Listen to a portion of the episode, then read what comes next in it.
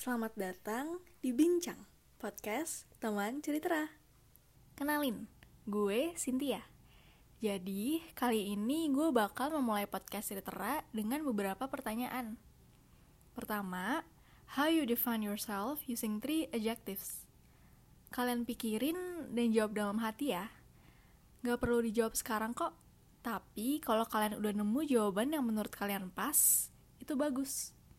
Tapi gue harap di detik-detik terakhir podcast ini, kalian bisa menemukan tiga kata sifat yang menurut kalian itu cocok banget sama kepribadian kalian.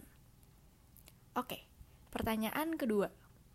Seberapa sering lo dengerin omongan orang tentang lo, dan lo tersugesti untuk percaya bahwa lo adalah orang yang seperti itu? Misalnya, ada temenmu yang bilang kalau lu tuh pemalas. Sebelumnya lo tuh gak nyadar kalau sikap procrastinating lu udah sampai di tahap orang bisa nyebut lo pemalas. Tapi karena temen lo bilang begitu, lu jadi tersugesti nih kalau lu tuh emang malas aja orangnya. Dan lu malah makin sering menunda-nunda mengerjakan sesuatu. Pertanyaan ketiga, seberapa tinggi tingkat kepercayaan diri lu? Apakah lu orang yang pede banget atau malah minder banget karena merasa bukan siapa-siapa di antara orang-orang keren yang ada di sekeliling hidup lu. Tiga pertanyaan tadi menurut gue udah cukup singkat untuk merangkum jawaban dari pertanyaan seberapa kenal sih lu dengan diri lu sendiri. Ketika lu udah bisa mendeskripsikan diri lu melalui tiga kata, itu artinya lo udah nemuin karakter lo, sesuatu yang unik dengan diri lo yang membuat lo beda dengan orang lain. Terus, kalau lo termasuk orang yang gak pernah atau bahkan jarang banget berperilaku sesuai dengan apa yang orang katakan tentang diri lo, lo keren. Artinya, lo termasuk orang yang kenal dan paham soal diri lo sendiri. Lo bertindak sesuai kemauan dan kesadaran lo. Omongan orang gak mendefinisikan apa yang lo rasakan or how you behave. Terakhir, sikap minder bukan rendah hati ya, cukup mengindikasikan bahwa lo gak terlalu kenal diri lo. Karena lo gak tahu apa yang lo punya and what you're capable of. Dari tadi, gue ngomongin soal mengenal diri sendiri. Emang penting ya? Mungkin ada sebagian dari kalian yang mikir, toh kalau gue gak bisa jawab tiga pertanyaan yang Cynthia tanyain, gue tetap hidup dengan baik-baik aja kok. Yes, benar lo emang bakal hidup tanpa mengenal diri lo sendiri. Tapi bakalan banyak hal yang terlewat cuma karena lo gak kenal sama diri lo. Kenal sama diri sendiri menurut gue ada sesuatu yang benar-benar dibutuhkan dalam hidup. Dengan kenal sama diri sendiri, setidaknya lo tahu nih apa yang lo mau dalam hidup ini, apa yang mau lo kejar, dan apa yang mau lo capai. Itu membuat lo punya tujuan dan hidup yang lebih terarah kalau lo kenal dengan diri lo, ketika ada masalah datang, lo bisa menyelesaikan masalah itu dengan cara yang terbaik menurut diri lo sendiri. Lo bakal paham prioritas lo, dan gak melulu berkorban untuk kesenangan orang lain. Lo bakal percaya diri dan penasaran sama apa yang bisa lo lakuin di masa depan, dan yang paling terpenting, lo bakal jadi orang yang punya keinginan untuk terus berkembang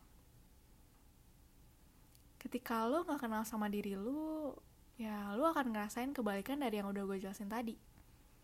Rasanya hidup ini blur dan gak jelas. Lo gak tahu apa yang mau lo capai dan lo gak tahu apa yang lo mau. Mungkin juga lo bakal ngelakuin sesuatu yang akhirnya malah bikin lo sendiri susah karena you're just finding others approval.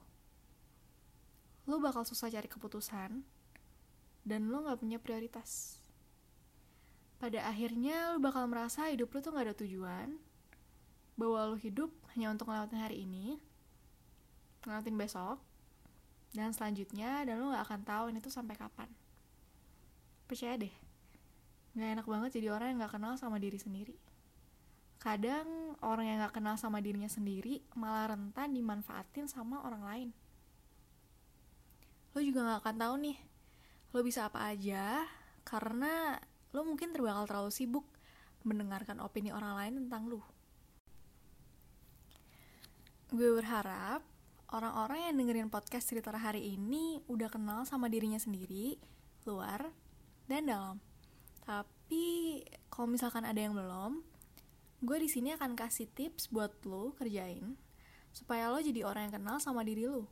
Supaya seenggaknya lo bisa berdiri di kaki lo sendiri. Kalau lo udah bisa jawab nih pertanyaan yang gue tanyain tadi, artinya lo udah kenal atau setidaknya udah dalam proses mengenal diri lo sendiri. Selanjutnya, lo bisa cari tahu apa yang lo suka, apa hal yang lo merasa passionate untuk kerjain hal itu. Terus lo juga bisa tahu nih apa yang lo gak suka sambil ningkatin self awareness dengan menanyakan pada diri sendiri. Misalnya, apa sih yang bikin gue kesel? Gue tuh gak suka diperlakuin seperti apa.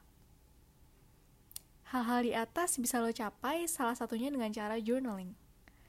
Coba mulai dari jelasin hari lo tuh kayak gimana. Tulisin sedetail mungkin tentang apa yang lo rasakan terhadap suatu keadaan dan bagaimana lo menghandle ketika terjadi masalah. Ketika lo sedih, coba ceritain apa sih yang bikin lo sedih and how you cope with that feeling. Dengan rutin journaling, lo bakal paham apa yang lo mau dan apa yang penting buat lo lu bakal nyadar apa sih selama ini yang jadi halangan lu untuk berkembang. Dan lu bakal paham nih apa yang bisa lo lakuin apa hobi lu dan apa yang buat lu seneng. Dan semoga pada akhirnya lo tahu mau jadi orang kayak gimana selama hidup lo ini terima kasih sudah mendengarkan. Dan pesan terakhir jangan lupa bahagia ya